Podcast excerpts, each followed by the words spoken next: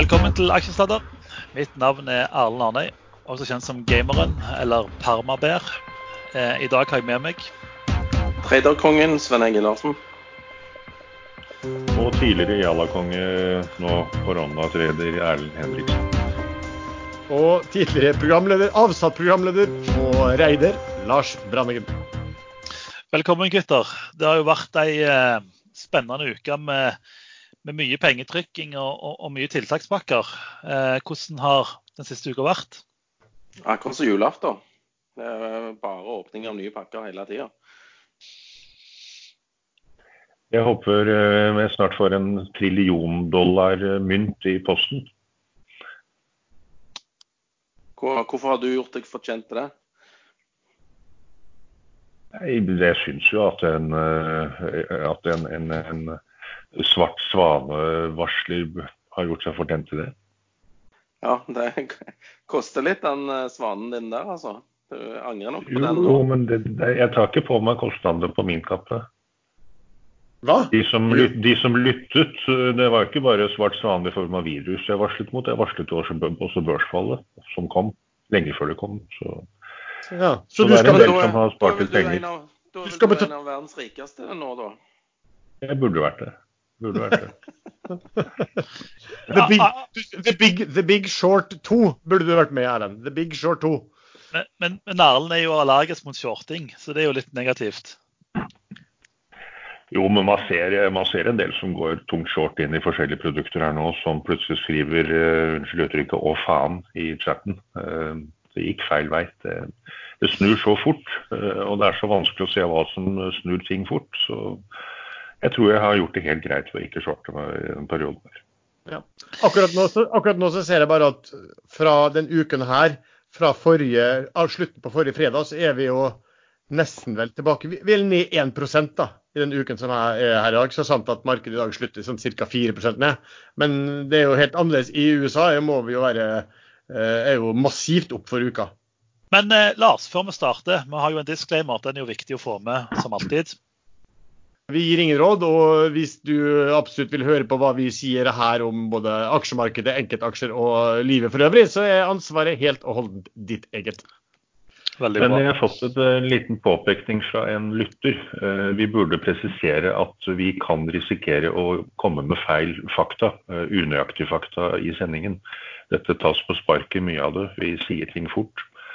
Eh, Vi prøver å rette på hverandre når, når det blir for ille, men innimellom så, så får vi det ikke med oss selv engang. Eh, Så faktafeil kan forekomme. All eh, korona er jo dessverre fortsatt eh, veldig hot. Eh, og som eh, regjerende Black Swan-champion, er det noe nytt den siste uka som på en måte kan være kjekt for lytteren å få med seg? Ja, det er veldig mye feiltolkninger av, eh, av rapporter som kommer ut. Eh, Den verste feiltolkningen nå sist uke, denne uken, det var eh, Neil Ferguson i, eh, fra Imperial College i London. eh, eh, la ut en ny rapport hvor han strakk dataene litt i begge retninger, og pressen hev seg da på et ytterpunkt i analysen som påstod at 50% av befolkningen i UK allerede var smittet. Eh, sannsynligheten for at akkurat det scenarioet skulle slå til, den ligger på sånn ca. 0,1% Ta det tallet med forbehold, men det er et helt ytterpunkt i analysen, og sånne analyser går fra ytre maksimalt til eh, ytre minimalt. Eh, Han har i etterkant presisert at det er en helt feil tolkning. Eh, Det gjelder fremdeles at de tiltakene som er satt i gang nå, de ser ut til å hjelpe. De vil muligens kunne holde smittekurven så langt nede at sykehuskapasiteten ikke sprekker. Men absolutt ingen garanti. Så dette er litt symptomatisk. Folk tolker og overtolker. og øh, Pressen vår er jo såkalte klikkhorer. De vil tjene mest mulig og lager titler som ikke stemmer virkeligheten i det hele tatt. Ja, for vi satt jo og så på den litt i dag sammen, eh, Erlend. ikke sant? Og kom, vi så vel begge to også at det var, kom fra meglerhus optimistiske kommentarer rundt eh, hva han Ferguson hadde sagt. Nærmest som om at om to-tre to, to, to-tre uker så var vi liksom eh, gjennom det aller verste. Men når vi begynte å se på Ja, det, så der, kan jeg, der kan jeg godt nevne navn. Arctic kom da med en uh, slik uh, positiv vurdering i dag tidlig. og det er for dårlig at ikke de klarer å kontrollere fakta før de lager en timeslang video som bygger på at dette her går over. Ja, jeg vet, jeg vet, nå, nå, har jeg ikke sett det, men det jeg tenkte på, var som han Ferguson som sa at For han har jo redusert veldig, veldig sterkt antallet som han tror kommer til å dø nå. Og, men det er jo med basis av at England England snudde jo opp, eller Storbritannia snudde jo. De hadde jo åpent litt sånn som Sverige først, og så stengte de og gjorde litt sånn som Norge, tøffe begrensninger og det med social distancing. Og Han sa vel at hvis man fortsetter dette her Det var litt uklart hvor lenge, men det kan se ut som han mente at hvis man fortsetter med dette i 12-18 måneder, eh, så ville liksom antall dødsfall bli usedvanlig, eller langt, langt mindre da enn hva han opprinnelig hadde anslått hvis samfunnet var helt åpent. Så det, så på den type, ja, men Han var faktisk ikke så streng. Han sa han, vi må fortsette med dette. Han tror at smittetoppen vil nås i løpet av tre uker hvis vi fortsetter med disse strenge tiltakene i, i tre uker. Og at man etter det kan vurdere å slappe av, slappe av på tiltakene. Ja, okay. Men at det må fortsette med 12-18 måneder med en, en eller annen form for type tiltak. Ja, i UK så startet jo prosessen med nedstenging senere enn Norge, og de er strengere enn Norge. Der kjører politiet rundt i parker og gater og ber folk pelle seg hjem og inn. Det gjør de ikke i Norge. Men i Norge så har jo på en måte folk vært flinke i stor grad til å holde seg hjemme. Eh, Iallfall på Vestlandet. Det er ikke veldig mye mennesker eh, ute i gatene. Bortsett fra på Solastranda, da. Der er det jo masse mennesker hele tida. Der er det kø. Der er det kø. Men der er det jo mye frisk luft, tenker jeg, så da er det sikkert greit. Sven, du snakket jo litt om uh, nye, nye, julegaver hver dag. Det har jo vært en hel haug med pakker som har ramla nedover både aksjemarkedet og bedrifter og, og, privatpersoner i USA. Hva, er det noen uh, pakker som er bra, eller er dette galskap? Uh, nei, det er bra med pakker. Uh, uten pakkene så hadde det sett veldig, veldig stygt ut. Men det som folk må tenke på, det er jo at pakkene er jo finansiert av staten. Og staten, det er jo egentlig oss. Så det er jo bare, det er egentlig vi som betaler for pakkene til oss sjøl, da. Bare sånn at folk skjønner dette her. Dette kommer vi til å måtte betale for litt senere igjen. Men, men, hvordan, men, hvordan, finansierer man disse pakkene? Altså, hvis du tenker det, I Norge så har man jo på en måte et gigantisk oljefond og en stat ja. som har mye penger. Men hvordan finansierer man alt dette?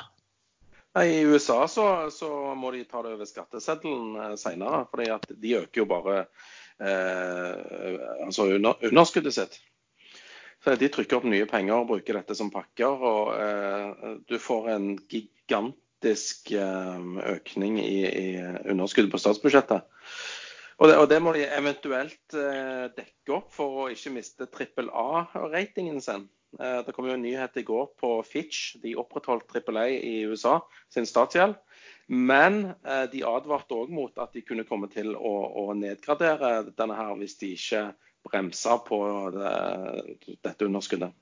Men de kommer jo aldri til å dekke det inn, eh, Sven. De kommer jo bare til å fortsette. Det har de jo gjort siden ja, ja, ja. finanskrisen og kjørt på med underskudd. og og, og, og så, sånn egentlig, hvis du begynner å se på det, så er det jo egentlig sentralbanken som låner penger til Altså staten låner penger av nytrykte penger av, av um, sentralbanken i USA. Så det, det, er jo nytrykte penger man putter inn i økonomien her, da.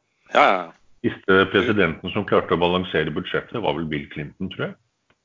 Det tror jeg stemmer, faktisk.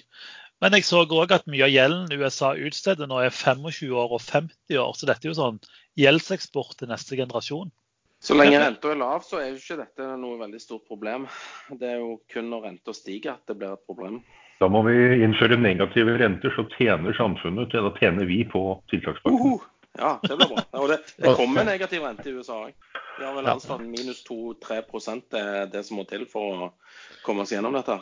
Ja, men det var kortsiktig. Ja. ja. Men men hvis USA mister trippel A-ratingen sin, hva betyr det egentlig i praksis? Dyrere renter, eller betyr det noe mer? Ja, Det betyr at presidenten må gå av. Ja, det, det, gjør ikke det. Men uh, det, det, er veldig flaut for USA da, å miste trippel A. Uh, det betyr at de ikke er best i verden lenger. og uh, det, vil få en dramatisk effekt på selvfølelsen til disse oppblåste amerikanerne. Men, men, er det ikke en del fond og type pensjonsfond som kun kan kjøpe trippel A-produkter? Altså, er det Begrenser du ikke markedet litt for statsgjeld hvis du mister trippel A? Vi må spørre de som er litt eldre enn oss. Eh, Lars kan sikkert dette. Hva da? Om? hvis USA mister trippel A-ratingen sin, er det ikke ja. en del pensjonsfond og fond eller altså, Er det ikke begrensning på hvem som kan kjøpe det etterpå? Fordi en del har som krav at de må ha bare trippel A-produkter. Ja, det kommer vel om. Eh, hvis jeg husker litt riktig under finanskrisen, så var det vel disse Fitch som nå har liksom advart litt USA nå. De nedgraderte vel USA sist gang. Eh, mens de store, altså Moody's og hva heter det? SMP. SMP, ja de, de opprettholdt den, den uh, høyeste graderingen da, på amerikansk statsgjeld. Og det var vel sånn at Fitch de ble vel omtrent trua om å bli kasta ut av landet sist gang de gjør det. Så, så det er veldig sterke krefter som, uh, som presser på for at uh, disse ikke skal, skal nedgradere um, gjelden. da. Ja, jeg tror Moody's og SMP òg ble trua. At uh, dere kommer ikke til å få rate noe government bonds i framtiden hvis dere nedgraderer uh, Triple A-ratingen vår. Før vi hopper videre fra pakkene, Sønn. Du har jo mast hele uka om at det må komme pakker til bedriftene i Norge. Uh, og Nå har det jo kommet noen pakker i dag. Noen tanker der? Ja, nei, eh, ja, vet du hva. Eh, mine to aksjeselskaper gleder seg til å kunne delta i pakkeleken. Eh, jeg ser at bokføring, altså regnskapsførsel, husleie og slike ting kommer til å bli dekket av staten. Så jeg, i og med at jeg har hjemmekontor, da, så regner jeg med bare å sende regning på, på huslånet. da. Og i tillegg til bokføringskostnader og frimerker og slike ting. Har du egen inngang til hjemmekontoret ditt? Eh, via vindu, ja. Hvor lenge gjelder det, det, det, den pakken? Hvor lenge gjelder den? sånn at man, altså jeg er litt opptatt av, for at I disse dager så er det jo årsoppgjør, ikke sant? og da, det er jo regnskapsføring. Eh, og Da vil man jo veldig gjerne at de skal gjøre det i en periode hvor, hvor man kan få pengene tilbake igjen fra staten. Ja, hvor lenge det varer. De, de har sagt det skal vare i, i to måneder til å begynne med. Så spørs det jo hvor lenge vi må holde oss eh, nedstengt og ikke kan tjene penger på vanlig måte. Det blir ikke særlig mye salg av eh, elsparkesykler eller eh, andre ting nå i disse tider, liksom. Hvor mye var, hvor mye var, var salget før disse tider? Nei, nå er vi utsolgt, da, men, eh, men, men, men du, Sven, ap apropos sparkesykler, Sven. Hør, var ikke du Var ikke, var ikke, var ikke du Men jeg så en avisartikkel fra at det var en kar som var tatt i Hvordan var det? da? En som var tatt i Sandnes på noen sparkesykkel? Uh, ut, ut mot reike og Sola, så jeg. 69 ja. km i timen. Ja, hadde jeg fått eh, en fart på 69 km eh, i timen med min smekre kropp, så hadde jeg vært kjempestolt. Og det var, det var grunnen til at jeg gikk til avisen med det. Ja. Fritt fall? ja, ned, nedoverbakke går det fint. Det er vel bare fordelen. ja, men dette var flat mark. Å oh, ja, det var flat mark, ja. ja. En annen ting som på en måte har herjet oss de siste ukene, er jo en uh, relativt uh, lav oljepris. Og Nå begynner vi å se på en måte effekten av det. Blant annet så er det jo uh, Oljeservice blir jo, jo banka ganske brutalt. Har dere sett noe på dette, da? Altså priser og hvem som blir rammet av dette, Lars og Sven? Det er jo god natt til det meste innen oljeservice. Eh, ja. Kun de mest solide vil overleve. De andre vil gå Altså, hermetegn under. Altså, de må bli restrukturert nok en gang. Eh, og hvis ikke oljeprisen kommer seg opp igjen eh, når dette er ferdig, så kommer veldig mange til å miste jobben, dessverre. Og Nei, det ser veldig stygt ut. Og det gjelder òg for oljeselskapene. Kun de mest solide vil, vil klare seg. Ja. Det, er jo allerede avtale, Inngåtte avtaler er jo allerede kansellert. Eh, de har jo gjerne klausuler i kontrakten med force majeure osv. som gjør at det markedet har kjøpt inn som inngåtte avtaler, de er heller ikke gyldige lenger, og kan også i framtiden bli kansellert. Ja, det jeg i hvert fall ser, er at, at oljeselskapene ser ikke ut til å tro på noen sånn snarlig endring i den oljepriskrigen som gjør at prisen skal komme veldig raskt opp igjen. For de har vært veldig raskt på banen og kutter vel i alt de kan i forhold til oljeservice. og Er det avtaler som er inngått så de kan komme seg ut av, så, så går de ut av den. og Alle oljeselskapene har vel meldt på børsen hvordan de nå skal kutte, hvor hardt de skal kutte i både Capex og Opex og, eh, det nærmeste året. Så det er klart at det er knallhardt og knallkrevende for alle disse oljeserviceselskapene, som allerede før dette her stort sett var i, i ganske så svake posisjoner. Jo, men det forplanter seg òg, vet du. Sånn region her så, som er Rogaland og Vestlandet og Agder. De har jo en veldig stor andel av sine næringer innenfor eh, olje og oljeservice. Og så har du bedrifter som da støtter disse her opp, sånn som f.eks. der vår IT-sjef Erlend holder på. Det, de vil jo òg merke dette her. Altså Ringvirkningene blir så enorme. Men det er ikke bare leverandørene til oljeindustrien som merker det, det er også leverandørene til eh, alle som jobber i oljeindustrien. Eh, da er det helt ned til frisører og taxisjåfører, og, eh, og da kommer vi til eiendomsprisene. Så dette er jo katastrofe for hele regionen. Ja, dessverre. Altså, jeg, jeg tror oljeprisen er verre for Vestlandet enn det korona er, for å være helt ærlig. Altså nå nå har jeg på en måte jobbet i, i, en, i en, bransje som er påvirka av altså Alle bransjer i Stavanger er jo påvirka av olje, oljeprisen. og, og Det blir spennende å se hvordan det, det slår ut. fordi nå, nå, har jo på en måte Equinor sa de skal kutte 33 milliarder, men de har ikke utbasonert hvor de skal kutte disse 33 milliardene. Men, men kjenner man Equinor rett, så er det jo på en måte å kutte i, i leverandørleddene. Um, så jeg tror, dette, jeg tror det er mye selskaper og mye prosjekter som blir uh, scrappa de neste neste ukene, for å si det sånn. Jeg skal bare si at Hvis jeg var innleid konsulent da, hos noen av disse, eller for et selskap, innleid i noen av disse oljeselskapene, så tror jeg ville eh, vært litt shaky. Til uh, årsaken det er jo uh, ikke bare korona, men lav oljepris. Og Den er jo direkte forårsaket av at Saudi-Arabia og Russland ikke ble enige om felles kutt. Russland nektet å godta det. De i hvert fall én versjon av den historien. Eh, og da ble jo markedet oversvømmet med olje, og Saudi-Arabia skulle virkelig straffe Russland og sikkert shale og masse kombinasjoner av dette. Men eh, se litt bort fra det. Eh, hvorfor skal oljeprisen opp selv om både USA, Russland og Saudi nå skulle bli enige om å kutte tilbudet kraftig? Flyene står på bakken. Skipstrafikken begynner å bli påvirket, og der brukes det mye olje. Masse landtransport er påvirket, og bortimot all persontransport, personbiler, står stille. Eh, og Det er ikke bare i Europa, det er i USA. Eh, det kommer til å komme nå i, i, på den sørlige halvkule. Eh, Sør-Afrika innførte full lockdown i, i går. Brasil bryr seg ikke noe om dette, her, og det kommer til å bli en katastrofe før de da må bry seg om det. Så hvorfor skal oljeprisen i det hele tatt holde seg over 20 dollar, eller over 10 dollar for, for den saks skyld. Jo, men eh, hvis eh, Altså, jeg har jo en teori her at eh, Russland og Saudi-Arabia egentlig eh, driver et spill for galleriet for å eh, presse andre til å være med og bidra i en slags dugnad for å holde tilbudet eh, begrensa. Og, og, det de ikke skjønte når de holdt på med dette, her, det var jo at eh, koronaen kom. Altså, Jeg tror ikke de hadde forutsett den effekten. Eh, de hører ikke på aksjesladder. Nei da. Det, det, de forstår ikke norsk heller. Men uh, uansett, det, jeg tror uh, egentlig de hadde en plan om at uh, de skulle knekke Shale i USA. da, At de egentlig var enige. Og, men nå sier jo Shale da, at vi kan godt kanskje bli med og kutte litt, hvis dere òg kutter. Fordi at det, det er helt Texas, eh, i Texas for øyeblikket.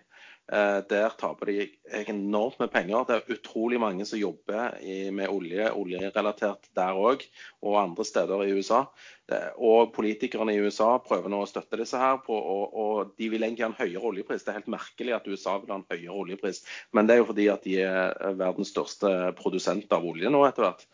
Eh, så ting har jo snudd seg der. Så hvis du får en sånn trio med OPEC, Russland og USA, eh, så kommer de til å sørge for at oljeprisen stabiliserer seg. Han vil ikke stige, for det realøkonomisk her nå så er det jo god natt. Det vil ikke skje noe stigning der før verden sakte, men sikkert kommer seg tilbake etter korona. Men det der er jo aldri godt å si. fordi at eh, vi, kan si, vi kan jo si at liksom, ja, hvordan skal det være prises i forhold til noe, men man kan jo lagre ting. og Det vil jo alltid bli oljemarked også. Så vil man jo også begynne å se framover, sånn som man gjør i aksjemarkedet. at Hvordan vil dette være om eh, seks måneders tid? da? Så... Ja, det er sant. det er sant. Men jeg bare tenker jo sånn umiddelbart så vil ja, ja. oljeetterspørselen øke eh, 50% på mandag. Men jeg tror, jeg tror, Sven er inne på noe. Jeg tror stabilisering er, er, er, mer realistisk enn at den stiger. Nå ser jeg forresten at Aftenbladet skriver akkurat nå om at Aker BP må kutte antall ansatte. Så da er vi på en måte i gang da, med, med oppsigelser og, og, sånne ting. Tor var jo ute her og sa at oljeforbruket allerede nå er redusert med 20 millioner fat om dagen. Det er, det er temmelig nøyaktig 20 det. Men som den kyniske spekulanten jeg er, så har jeg faktisk kjøpt en ETF i dag. To ganger brent bull. For jeg tror hvis det skjer noe, så skjer det noe før 1.4. Den nåværende avtalen med OPEC OPEC pluss utløper 31.3. Så jeg tror kanskje, eller jeg better på at det kommer en slags oljenyhet i løpet av helgen. Uh, gjør det ikke det, så selger jeg det igjen på mandag. Ja.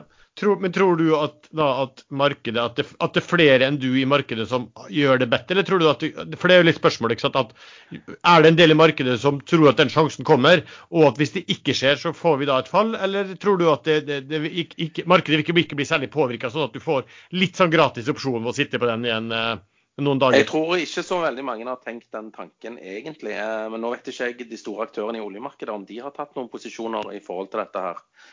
Det har ikke vært skrevet veldig mye om det. Eh, jeg lanserte dette som en teori selv for eh, ca. en uke siden. Fordi, eller eh, noen dager siden er vel mer riktig. Fordi at det var helt stille fra Russland, helt stille fra, fra Saudi-Arabia. Eneste som holder på å mase litt nå, det er disse folkene borte i Texas som sier hvor jævlig alt ting er. Og det er veldig merkelig at da ikke Saudi går ut og sier ja, men vi skal oversvømme markedet. bare liksom det har de slutta med nå. De har ikke sagt noe på over en uke.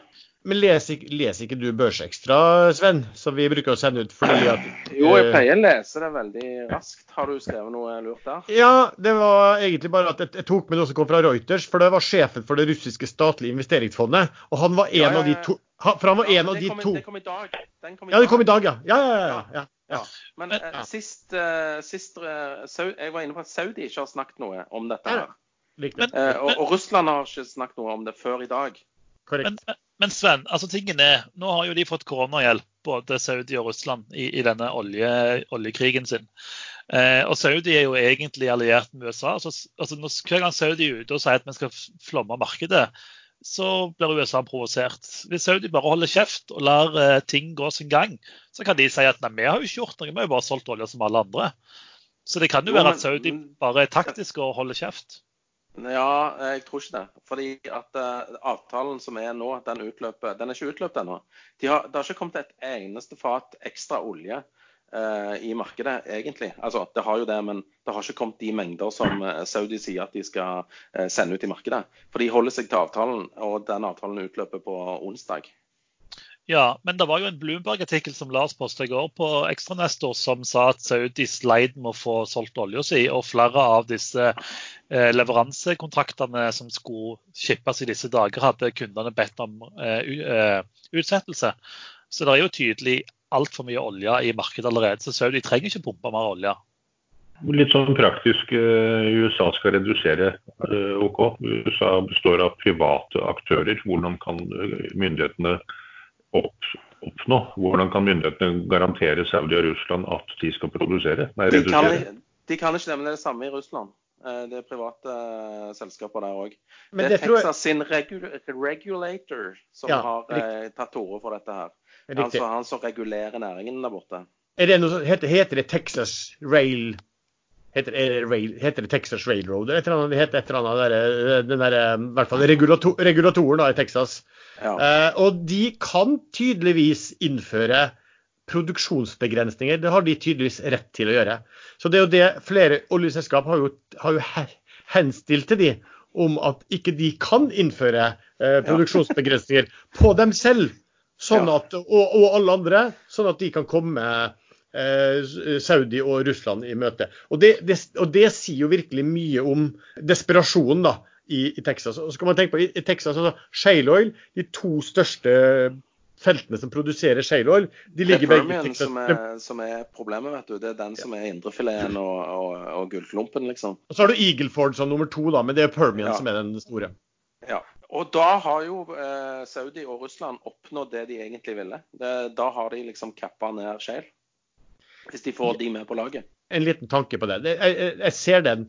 Men har de da, har de da kutta de ved knærne eh, for lang tid, eller kommer de bare poppende opp igjen med en gang markedet kommer tilbake? Det er jo, det er jo et spørsmål. ikke sant? Så Du kan jo tenke deg hvis du sitter i Saudi, og så så vet du at én disse shale oil-selskapene de har hatt negativ cashflow i ti år. De har bare pøst på, og de har altså, enorme gjeldsforpliktelser. Og oil begynner å bli mer og mer out of favor. De må begynne å få dårligere og dårligere betingelser for å klare å finansiere seg videre. Og så kommer dette her, den muligheten her. Så spørsmål, hva det nå de kan tenke at tidspunktet er. Nå har kommet det gode tidspunktet for å virkelig knalle eh, Shale og gruse Shale totalt. Det kan være en ting som kanskje kan tyde på at de altså, Jeg sitter og lurer på om kan de ha begynt å ha en mer sånn langvarig strategi på dette. her, og det er jo fordi at nettopp når, når, når, det skar seg og Saudi fant ut at de skulle begynne å pumpe mer, så tok jo han, eh, han eh, kronprinsen der han sørga jo for å få arrestert eh, ganske mye folk som, som sto rundt han i maktapparatet. Så, så, det kunne jo tyde på at han kanskje hadde no, noen planer som var litt mer langsiktige, men som kunne, men som kunne være veldig omdiskutert da, i den der kongefamilien. Så han sørga for å få putta de, de folkene i, i fengsel eh, med en gang. Jeg vet ikke. Det, det, det er en mulighet, det ja. òg. Nei, men altså, Inngår du en avtale med russere og saudiarabere, så er vel sjansen stor at hvis du bryter den avtalen, så kommer det noen med et sånn sverd og halshugger noen. Ja, det, glad, det, gjør de jo, det er jo glad i å gjøre uansett, liksom. eller, eller, eller deler de opp og sender, ja. Jeg har en liten teori nå. Verden har stoppet opp. Eh, man ser på forurensningen har gått ekstremt ned. Du ser på NASA-satellittbilder fra Kina og det samme vil skje i USA og Europa. Hva hvis politikerne og folket etter at dette her begynner å gå over, sier at dette var faktisk ganske deilig med frisk og ren luft. Hva med å pøse inn trilliardfond i å utvikle renewables, sånn som de nå gjør for å redde økonomien? Det vil jo gi en ekstrem boost til alle markeder ved å pushe fram renewables eh, nå. Eh, og det er allerede langt på vei. Eh, Danmark er jo selvforsynt. UK begynner å bli det. Tyskland er langt på vei. Kanskje kanskje oljen rett og slett dør i denne settingen her? Jeg tror det heller blir omvendt. Jeg, at alle klimatiltak kastes på, på dynger fordi at det koster for mye. Og vi kjører på med olje. Jeg tror, og jeg tror også det du sier, Sven, men plutselig så er det noen som vrir dette rundt og tenker den tanken at her kan vi faktisk fortsette med den rene luften vi har nå. Det tror jeg tar lang tid, dessverre. Jeg er faktisk enig med Sven, fordi eh, Altså, Hva er det som dreper eh, renewables? Jo, det er billig oljepris. Hva er det vi har nå med billig oljepris? Altså, De her solcellene mine er jo verdens dårligste investering. fordi eh, ja, sant. Det vil jo ikke vare med, med billig oljepris, for det er jo veldig lite leting som foregår nå. Det som var planlagt, blir avlyst. Ehm, det som nå er lagret på tankbåter og fulle lagre i alle land, det vil jo bli brukt opp før eller siden. Eh, så plutselig er ikke oljeprisen lav lenger. Plutselig går oljeprisen opp til 85 eller 150 dollar igjen fordi det mangler olje. Jeg synes at Erlend Henriksen, du, du stiller i og for seg et ganske godt spørsmål. for et, et, spørsmål av sånn koronakrise og det som skjer nå, det er jo er det noen ting i dette som gir eh, litt mer varige endringer? Ikke sant? At du ser, at du ser måte, måte altså Det kan være at nå er det flere og flere som kommer til å kjøpe bare en enkeltting. At det er flere og flere som kanskje handler mat for å få, for å få levert hjemme. Det kan være en varig endring, at det, at det, øker på. Men det kan også være i forhold til bruk av fossilt ikke sant? og forurensning, sånn som du ser Erlend også. Det, det, det, er alltid litt sånn interessant spørsmål. Hva, hva vil en sånn krise medføre av varige endringer eller på ulike bransjer, eller faller ting tilbake igjen? Vinmonopolet tilbyr eh, hjemmelevering. Det har jeg ikke vist før. Så det er klart jeg kommer jo aldri til å gå på polet mer. Nei, men jeg, jeg, tror viruset har eh, i stor grad eh, redda verdens undergang her nå. Bortsett fra vi får en annen type undergang nå. Men uh, ikke det, er, det, er, ikke så vanskelig å regne hjem at det dør flere av forurensning hvert år enn dette viruset noensinne kommer til å klare å, å, å drepe. Nei, så dette var egentlig bra? Det er bare å vente på en mutering, Arlen, så tror jeg det kan endre seg ganske fort. Men eh, for å putte litt i perspektiv. UK i Q3 2019 eh, så produserte de mer energi, eller strøm, med renewables enn med fossil. Så ja, det kan være Arlen har rett. Jeg skal faktisk ikke vedde imot deg. Børsmelding fra lille Indukt. Abonnementsavtale med skatteetaten. Vi bruker ikke tid på Induct. Eh, du, eh, altså grensa går med softdogs. ja, det er jeg helt enig i.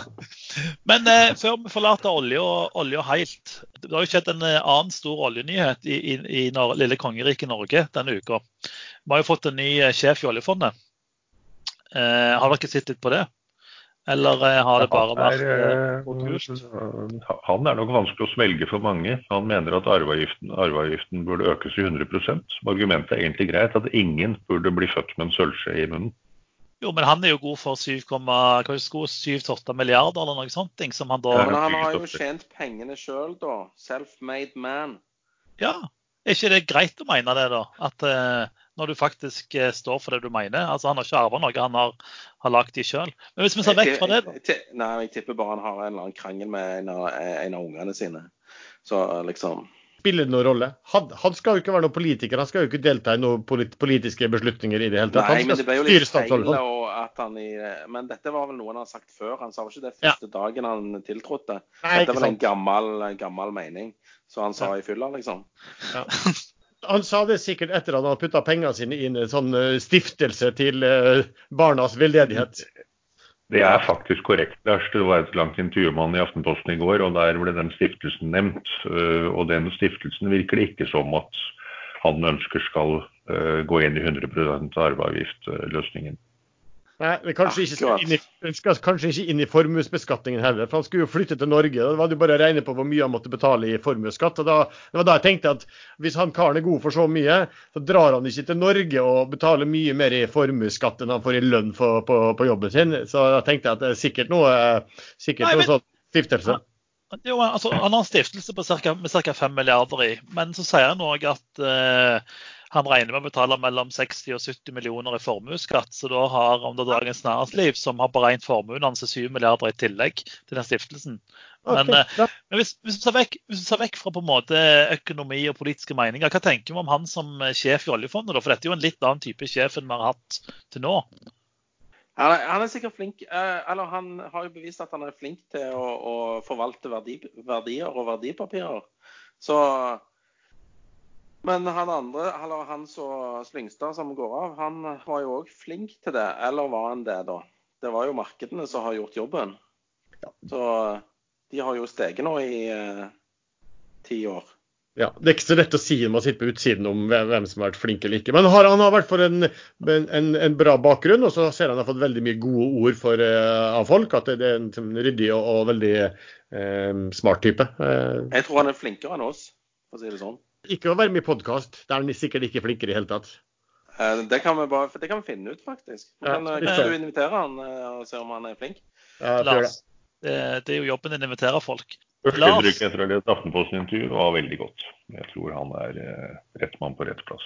Men, men rett mann på rett plass eller kvinne har jo eh, Timing og flaks er undervurdert i alle, alle ting man driver med. De flinkeste kan ende opp som de dummeste og motsatt. Da blir det helt stille. Da, da lar vi det være siste ord for i dag.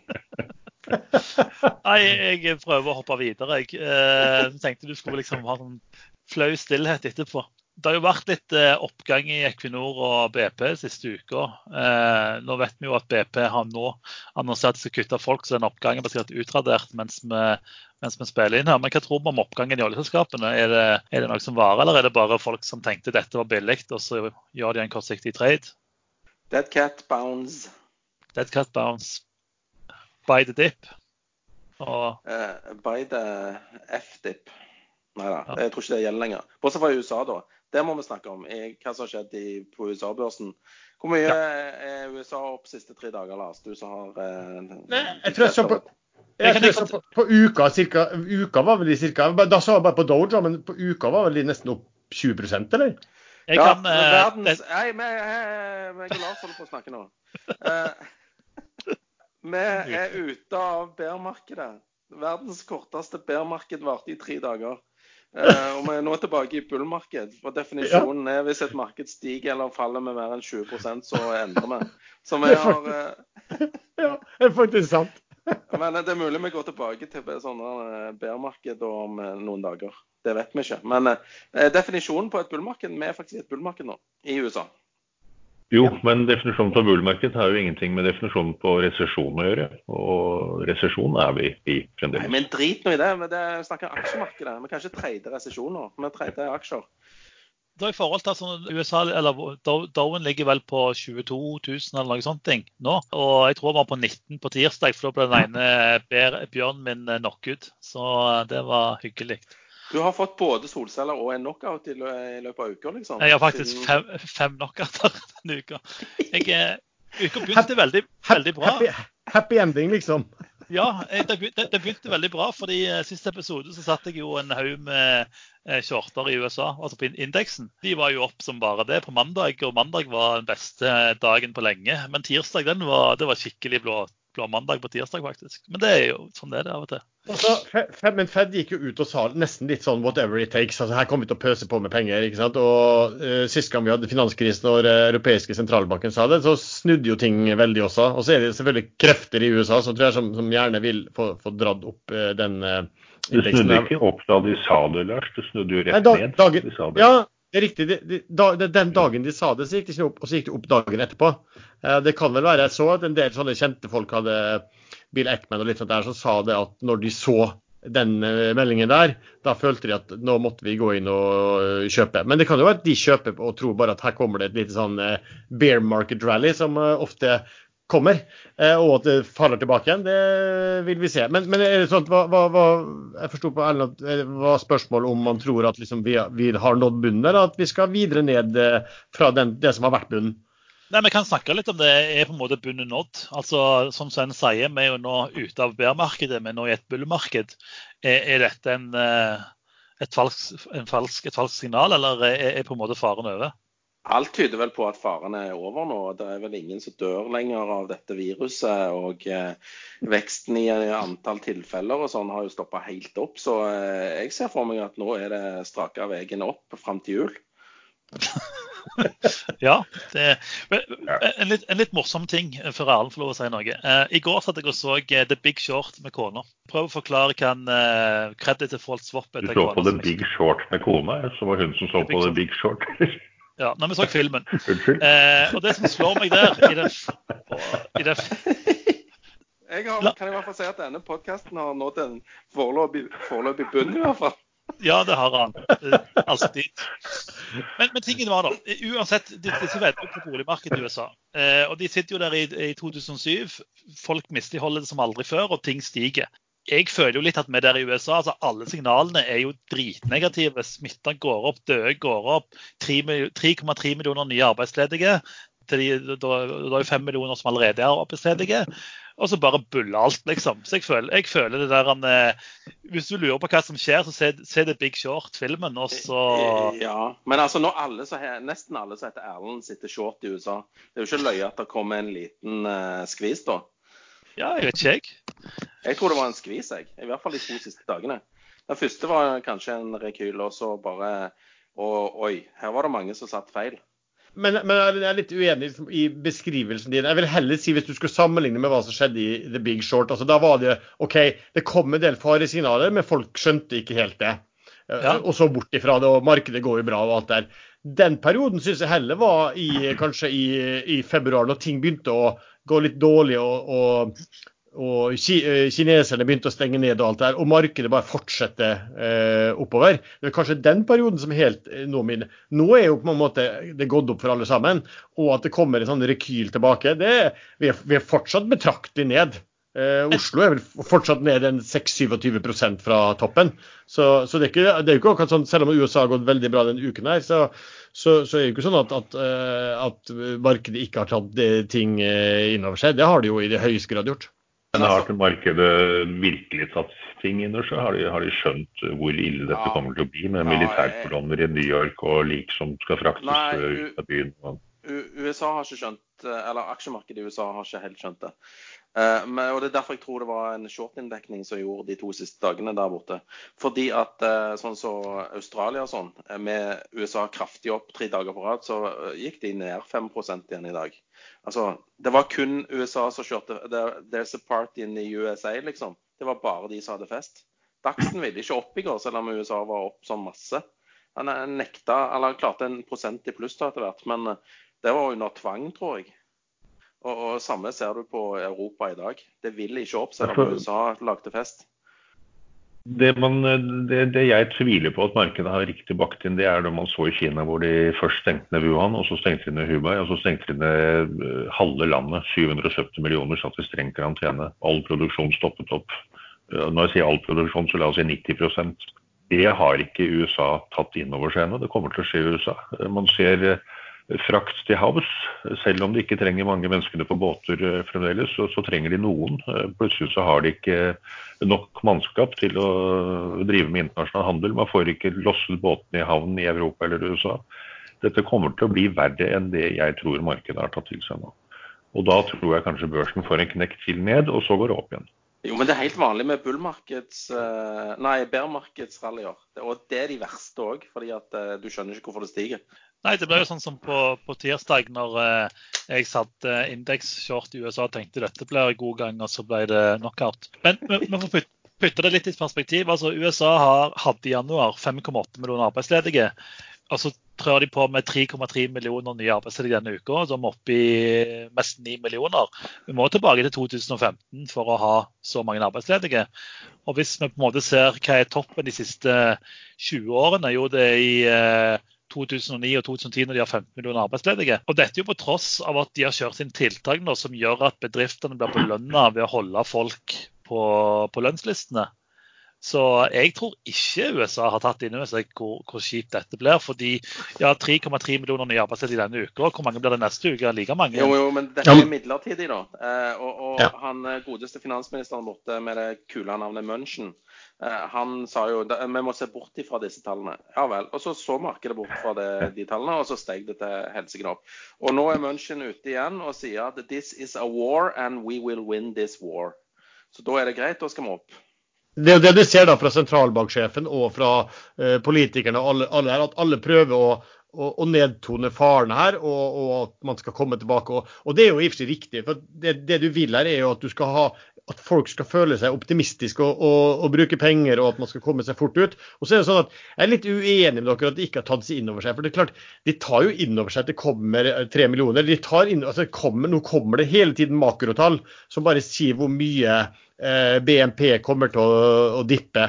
All, altså, når markedet ikke reagerer på at det kommer 3,2 millioner nye, nye arbeidsledige, var altså, økningen var fem ganger så stor som, sist, som, som den tidligere rekorden i antall økninger på, på, på ei uke. eller hva da, så, så, så, tar de innover det, eh, de, de tar det innover seg. Hele, hele, men caset er liksom ikke hvor elendige er tallene nå for uh, oljeetterspørsel og BNP-vekst. Altså, det som kommer nå, er ikke så viktig for markedet. De kommer til å se når kommer, vi, når kommer vi ut av det? Det er det, de, det, er det som er caset her. Eh, jeg vil gjerne, Nå har jeg kommet med egentlig to svarte svaner i år. Det ene var viruset som kunne spre seg. Det andre var at jeg, jeg mente tidligere at aksjemarkedet kommer til å knekke. Eh, men det er én svart svane til som, eh, som ikke så mange snakker om.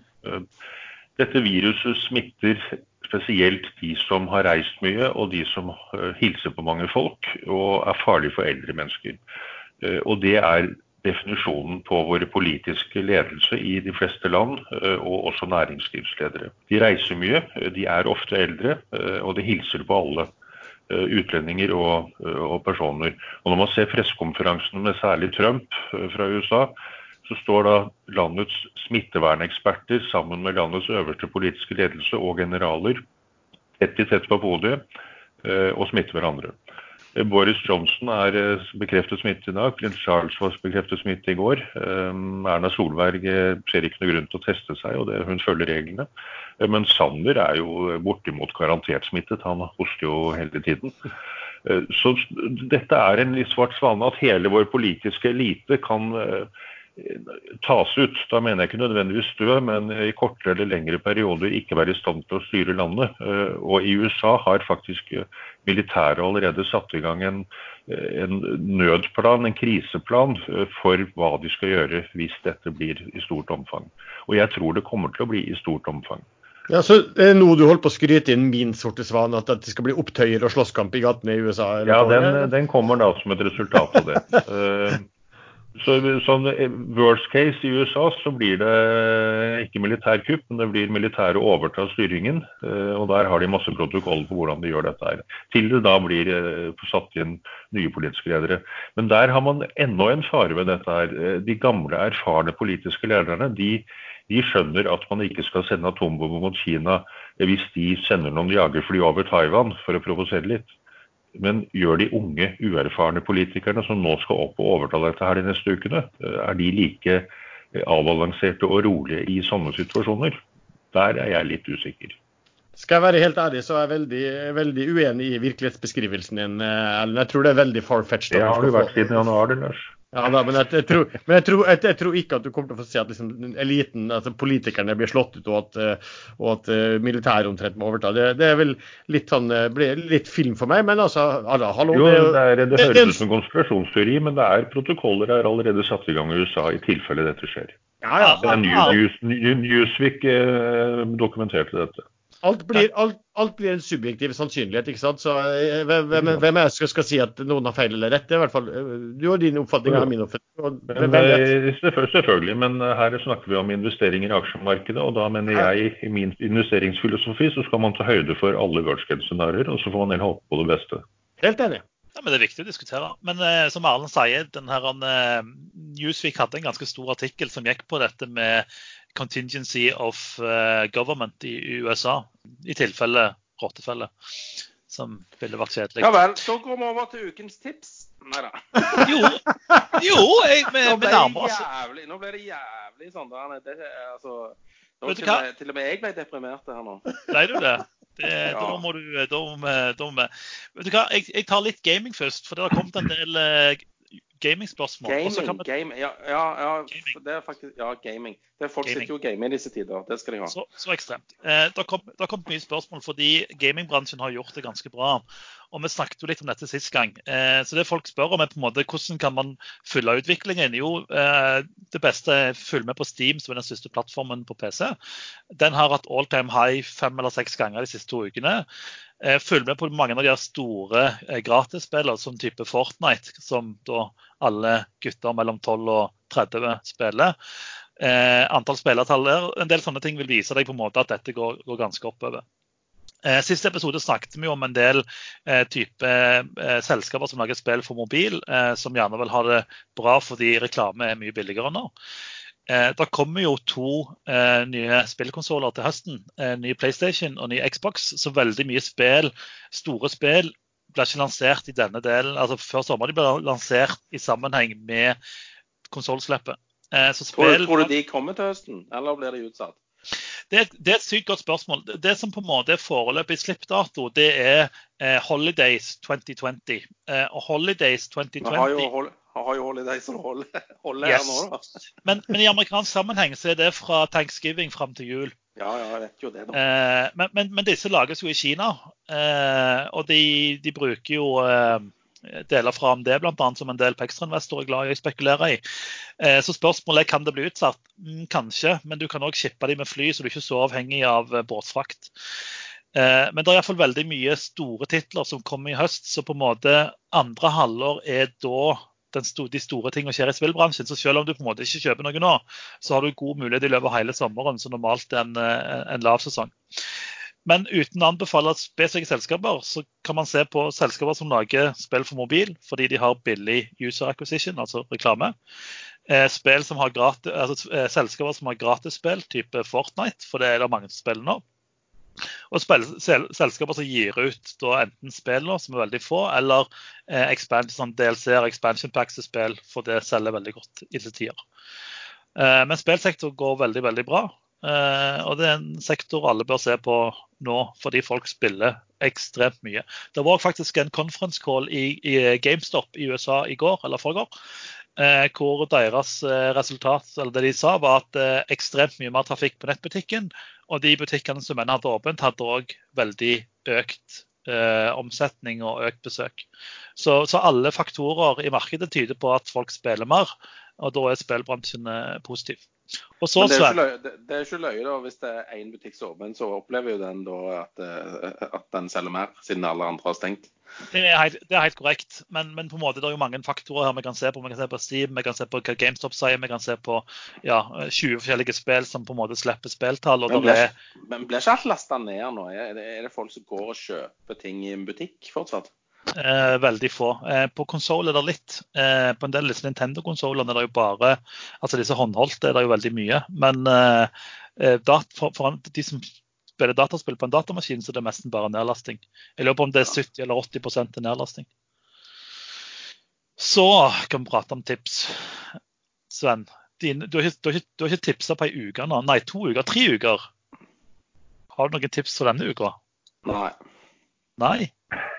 Stay safe, vask hender, host i armen, eh, albuen. Um, Det er det man ikke skal gjøre. Man skal hoste i papir. host i papir. Papirserviett og kaste. OK, da hører vi på smittevernseksperten. Eh, og nei, eh, vet du hva. Dette er trader heaven-dager, bortsett fra når USA kjører, speed, eh, kjører karusell på speed. Da er det ikke så kjekt eh, å være feil vei. Det har vi jo hørt andres erfaring med. Eh, men nei, mitt tips er at Jeg har faktisk et bra tips. Det er um, Jeg er short eh, et hotellselskap og et restaurantselskap. Det shorta jeg på slutten av dagen i går i USA. Det er eh, Darden Restaurants og eh, Marriott Vacation Homes. Eh, Vacation Club, mener jeg. Og så hadde jeg lyst å kjøpe en ETF som heter Need. Det er en Consumer Staples long ganger tre.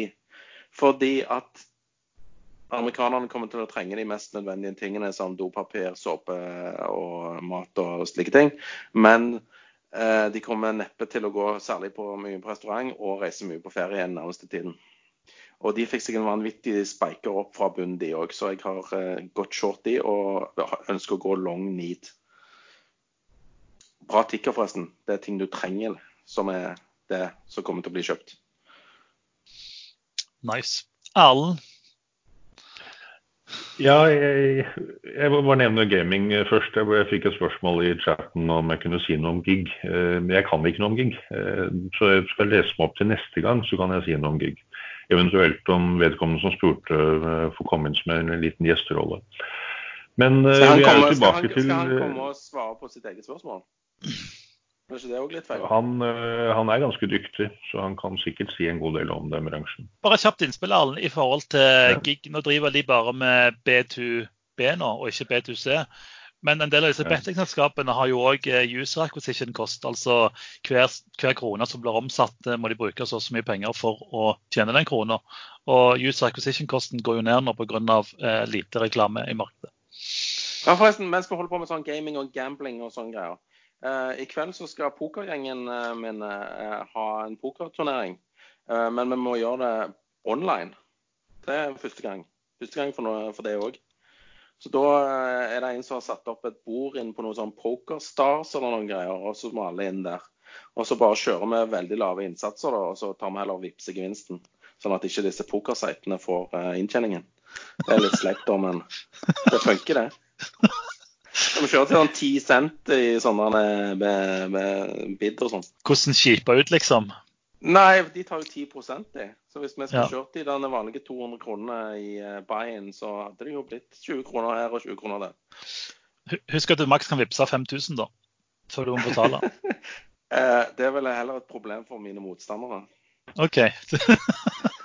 Erlend, beklager du skulle få lov å tipse. Du har jo en aksje du har eh, Jo, jeg, det, det er jo den samme aksjen jeg snakket om forrige gang. Da lå kursen på 39,40 kroner, så kom det en børsmelding. Da hadde en doktorgradsstipendiat fått 2,5 millioner Eller Softox hadde fått 2,5 millioner kroner for å eh, la en doktorgradsstipendiat kjøre et test et eller annet på, på det produktet de holder på med. Eh, Men etter det så har det kommet en ny melding. De fikk 6 millioner kroner fra Innovasjon Norge for å kjøre, starte opp en produksjonslinje til. Eh, Og Den opprinnelige planen var én produksjonslinje med ett skift. Eh, Det ser ut som at de kan øke til tre. Og Hvis de da får økt til to produksjonslinjer, så har de da gått opp fra ett til seks skift. Og det de sa i første, i prospektet sitt, eh, det står, det kan komme ut i desember, var at en produksjonslinje eh, kan produsere 5000 flasker om dagen og gi en inntekt på 1,2 millioner kroner i uken. Så kan vi ta en liten diskusjon på hva inntekt da egentlig er etterpå. Er det omsetning, er det fortjeneste, er det, det er forskjellige er definisjoner på det. Det er nok en eh, omsetning. La oss si det er omsetning. Men 1,2 millioner kroner eh, i uken eh, ganger plutselig 6, der har du på eh, 7,2 millioner kroner. eh, Ganger det med x antall uker i året, så, så begynner omsetningen veldig raskt å komme opp i 300 og et eller annet millioner kroner. Og det er ca. market cap på selskapet i dag, litt høyere. Men kursen var da på 40-41 sist. Den gikk opp til 45-46, la seg litt rundt der etter den forrige meldingen, og nå ligger den på 69. Eh, de hentet inn 75 eh, millioner kroner i emisjonen i desember, så de som gikk inn i desember, de, de vil på, på, 72 kroner, så har de da tatt tregangeren. Som ikke er 300% men 200% Ehm, de som lå, gikk inn på rundt 40, de har fått med seg 75 eh, nesten opp allerede nå eh, på en uke. Jeg ser ingen grunn til at det ikke skal fortsette. Eh, de kommer til å kjøre lisensavtaler med andre produsenter i USA og resten av Europa. Det, det var planen å gjøre om to-tre år. Det kommer de til å gjøre nå, tror jeg. Men dette er tro og litt håp, men det er ganske realistisk tro. For det mangler håndrens over hele verden. Og det mangler spesielt håndrens som ikke inneholder alkohol, som er eksemfremkallende for to tredjedeler av de som bruker det. Spennende. Jeg, hadde jeg hatt den, jeg har den dessverre ikke, for da hadde jeg jo tjent masse penger. Jeg ville kanskje vurdert å selge den når de melder om at nå har de begynt å produsere eller selge. Ja, for dette blir liksom Jeg er sånne...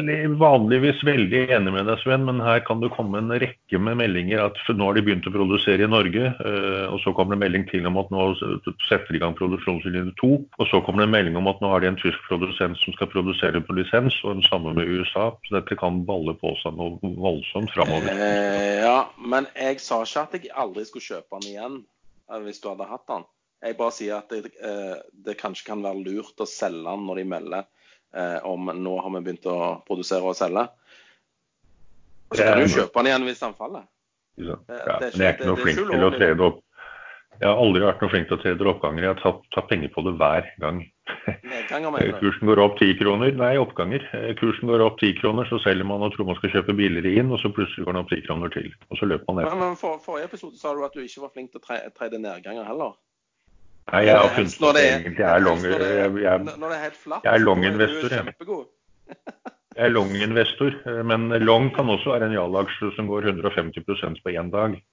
Men, men, men det, er to ting her. Det ene er jo eh, et av de store problemene til Antibac det er jo ikke å produsere sprit, for det er jo enkelt nok. Du bare fyrer om kokeapparatet. Eh, problemet til Antibac er å få fatt i nok eh, forpakninger, altså nok flasker, for det kommer fra Kina. Har Softac sagt noe om hvordan deres tilgang på pakninger er? De bruker en type spesial eh, Det er sikkert plast, de kaller det flasker. Eh, ja. Som er lufttette. Eh, det må være lufttett, ellers så vil denne blandingen de har gå veldig fort ut på dato. Den kommer visstnok fra Kina, men jeg vet at det finnes norske produsenter av like god kvalitet flasker, så jeg vil tro de allerede er i kontakt med, med andre for å finne løsninger på det. Så, så, det kan egentlig være at de også sliter med det samme som Antibac sliter med, nemlig at eh, forpakninger eller flasker eh, blir mangelvare mer enn eh, å produsere blandingen? Det kan være, men selskapet ikke antydet dette på noen som helst måte nå. Nei. Så vi får se Jeg kan òg nevne at eh, Arctic Securities og Sparebank1 Market skal ha en webcast-prestasjon med Softox Solutions eh, torsdag 2.4 11-12. Og du kan sende mail til events.arctic.com for å være med der. Så sier noen spekulerer om det er emisjon på gang, men uh, jeg kjenner ikke aksjen, så jeg skal ikke kommentere det. Lars, har du noen tips og triks denne uka som kommer? Nja, altså eh, Nå er jeg vel litt sånn sier vi litt sånn Sven, at her, her, skjer det så mye at det du, det du, sier på et tidspunkt kan være helt obsolet eh, tre timer senere. ikke sant? At Da vil du ikke ta i det hele tatt utenfor nyhetene og hvordan det beveger seg. Men jeg kan si tre selskap som jeg sitter og følger litt med på, hvert fall, som, og som man kan tenke litt sånn langsiktig på. Ene er eiendomsselskapet SSG. Her Har jeg kjøpt litt, kommer sikkert til å kjøpe litt mer. Det var jo det Spetalen eide og skrøt så voldsomt av, og så solgte han seg vel ut på 27 kroner. og Da kommer et, et amerikansk hedgefond som kom inn og kjøpte det. og Så gikk styret i SSG ut og sa at nå skulle de gjøre en strategisk vurdering, dvs. Si se om de fant andre eiere på det. Så har den falt tilbake da fra den gikk i over 30, og så har den falt tilbake og ligger i underkant av 23 nå. Og det, og, men sånne selskap er litt, litt spørsmål på det. Dette er et selskap som driver med minilager. Hadde vel gjort det veldig bra, vokst veldig bra. Og så er spørsmålet er dette et selskap som blir hardt rammet av uh, det som skjer nå, korona? Klart altså, Til en viss grad så blir det rammet. Men Eh, jeg har en liten, liten, liten, tese også. Når store deler av Norges befolkning, familiene, nærmest blir sperra inne også, så skulle ikke jeg forundre meg om skilsmissestatistikken går opp også i etterkant av dette her. Og da, da, da, da er det noen og enhver som trenger flere minilager. Så, så, det kan jo være noen ting som, som et selskap som liksom ikke blir spesielt rammet av hva som foregår. Annen ting jeg var sendt på, er Protektor. Og kanskje Protektor mot uh, Gjensidige, altså Protektorforsikring. De har jo falt uh, nesten 60% siden nyttår. Uh, mens Gjensidige har falt bare ja, de har falt ca. 20% uh, Og Gjensidige prises vel om ja, jeg vet ikke om prisbok er oppimot tre og Protektor på én. Så så det kan det være noe, jeg må se litt nærmere på det. Men det kan også eventuelt være med sånne typer man kan ha at du kan ha long én, short én. Eh, der du trenger ikke å spesielt tro på noen av dem, men du tror at den ene vil bevege seg bedre enn den andre. Så da får jeg se. Det er mulig at jeg tar en eh, long protektor eh, short gjensidige, kanskje. Og den siste det er bare for denne long short-greiene. Det er faktisk en veldig bra strategi i tider som dette. Yep. Du er ikke så eh, Altså, hvis du får markedet imot deg, eh, så, så blir ikke effekten så uh, stor. Nei, og det, det, ja, det kan jo faktisk være at selv om du får markedet imot deg, så vinner du på det. fordi at den du har shorta, ikke sant, gjør det, gjør det desto dårligere. Så det er bare et spill på hvem, ja, ja, rett og slett et spill på hvem av disse to vil gjøre det beste. Um, så det er ofte en bra, kan være en bra strategi. Siste som, som man kan følge med på, jeg har jeg bare nevnt før, det er uh, Filler Shipyard. Uh, for der har de vel sagt at uh, Eh, en kontrakt som de altså Filler Shipyard har vel 50 kroner i nettcash og prises til 40 kroner. Eh, og Så håper de å få en storkontrakt fra amerikanske militære. Og nå har de vel sagt at de håper på tildeling av det innen utgangen av eh, første kvartal, som er om noen få dager. Men det har de sagt før. Det sa de også ved fjerde kvartal, at de håper det før årsskiftet. Så det blir vel fort forskjøvet da. Men der kan, der kan det skje et eller annet, ut ifra den tidsfristen de har sagt. Selv om jeg ikke tror den holder. Tilfeldig USA har vel to sånne hospitalskip i marinen sin, og de er jo kjørt til New York begge to. Det kan det ikke være at det plutselig kommer en uh, ordre om å bygge om andre båter til hospitalskip? Det er jo noe veldig grei måte å Hvor lang tid tar ikke det, da? tar for lang tid. Nei, det vil, tro, det vil, jeg tro, går fortere enn å bygge et sykehus fra grunnen av, som de også gjør i UK nå. 4000 sengeplasser på et helt nytt sykehus, sånn som de gjorde i Kina. Nei, det er ikke nytt sykehus. Det er jo Excel-senter i London som de bare konverterer. Så det er jo basically største eh, konferanseanlegg i London, som da består av eh, ja, Jeg har vært der en gang, det er helt insane svært. Så de plasserer jo bare senger ut på gulvet, basically, sånn som de gjør i Kina. Og sånn som man gjør, gjør en del norske byer. hvor man konverterer. Skulle ikke ha et fullt komplett sykehus med, med ventilatorer, som er vel det vi kaller eh, respirator i Norge? Nei, nei, ja, men det er koronasykehus. Altså, det, er, det er basically store haller hvor du putter senger ut. Nå skulle jo Dyson levere 11 000 respiratorer til NHS, sa de. Ellers er det jo veldig hyggelig å se at uh, nå når ishockeysesongen ikke kan spilles og rundt forbi i verden, så har de funnet alternativ bruk for disse ishallene. Ja, koronasenteret, tenker du. Til, til like, Uff, det er helt galt. Lars, da. Var ikke så morbide. Nei, men det var ikke morbid, det var jo sant. Det er sant. Det det. Ja. Men, men, jeg, men jeg vil komme med tips. Nå, nå er dere så morbide nå at nå må vi være litt hyggelige her. Jeg har eh, egentlig bare handla to aksjer denne uka, og det er Activision Blizzard, som er en amerikansk spillaksje, som har gjort det ganske greit. Den har jeg solgt nå, da. Og så kjøpte jeg eh, Paradox, eh, som er en svensk aksje jeg har snakket om før. Spillaksje. Som har gått veldig godt fordi de har sluppet en del DLC-er den solgte jeg òg for helga. Jeg, tenker å sitte lett over helga, for jeg tror, det, jeg tror det skjer mye i helga. Og jeg syns det er greit å sitte over. Jeg fulgte for så vidt tipset til Lars og kjøpte SSG, for jeg tror han har helt rett i forhold til ikke nødvendigvis skilsmisser, men eh, nå skulle jo Aker BP si opp folk. Og når de sier opp eh, folk i oljeriket, så blir det veldig mye behov for smålagring. Eh, så jeg sitter faktisk med SSG nå. Så det var jo spennende. Jeg har bare et lite spørsmål. Når du, mener, når du nevner de to eh, gamingaksjene dine, så har du jo solgt ja. de. Så det kan ikke være et tips? Jo, det er aksjer å følge med på, men jeg vil ikke sitte med de over helga. Oh, ja. Eh, jeg trodde et sånn ukas tips var liksom kjøp dette nå, liksom, eller selg dette nå. Nei, nei. Eh, de, de har jeg, altså jeg har trada de denne uka, men jeg kommer også til å trade de neste uke. Fordi Activision Blizzard har sluppet et spill som nådde 30 millioner spillere på hva var det, ei uke to uker. Og kommer til å gå, kan trades mye på det. Og ja, men nå er vi tilbake på det der Embracer-greiene igjen. Der sa du ikke fra at nå må du kjøpe Embracer. Sånn, sånn og sånn. Det, og så nå har vi dette igjen. Nå skal jeg trade disse neste uke.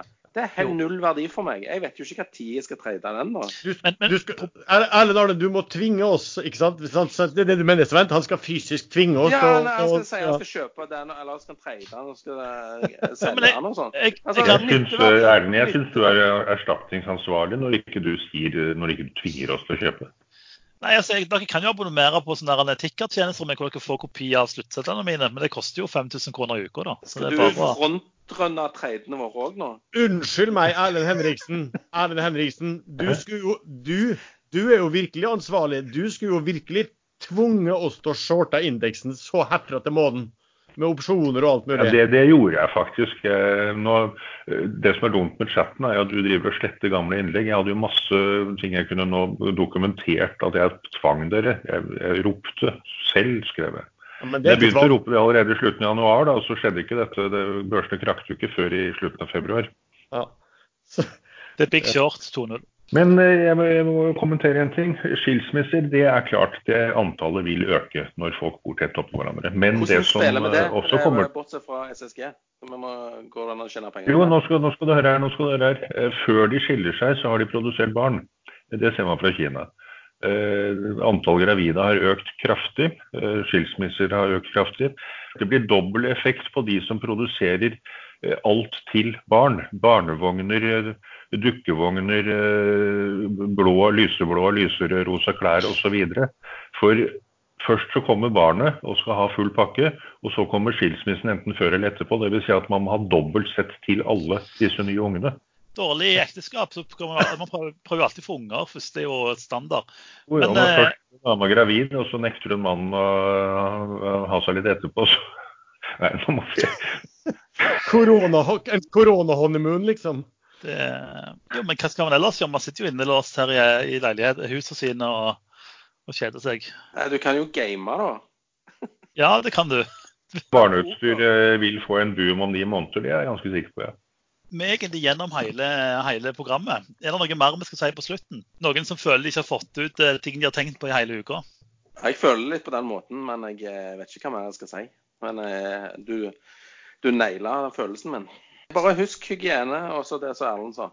Drit i verdipapirene, nys i uh, tørkepapir eller et eller annet sånt. Verdipapirene kan jo fort bli verdiløse, så kan man bruke de òg. Men, men skulle vi ikke ha reklame? Nei, ikke ennå. Kommer neste gang.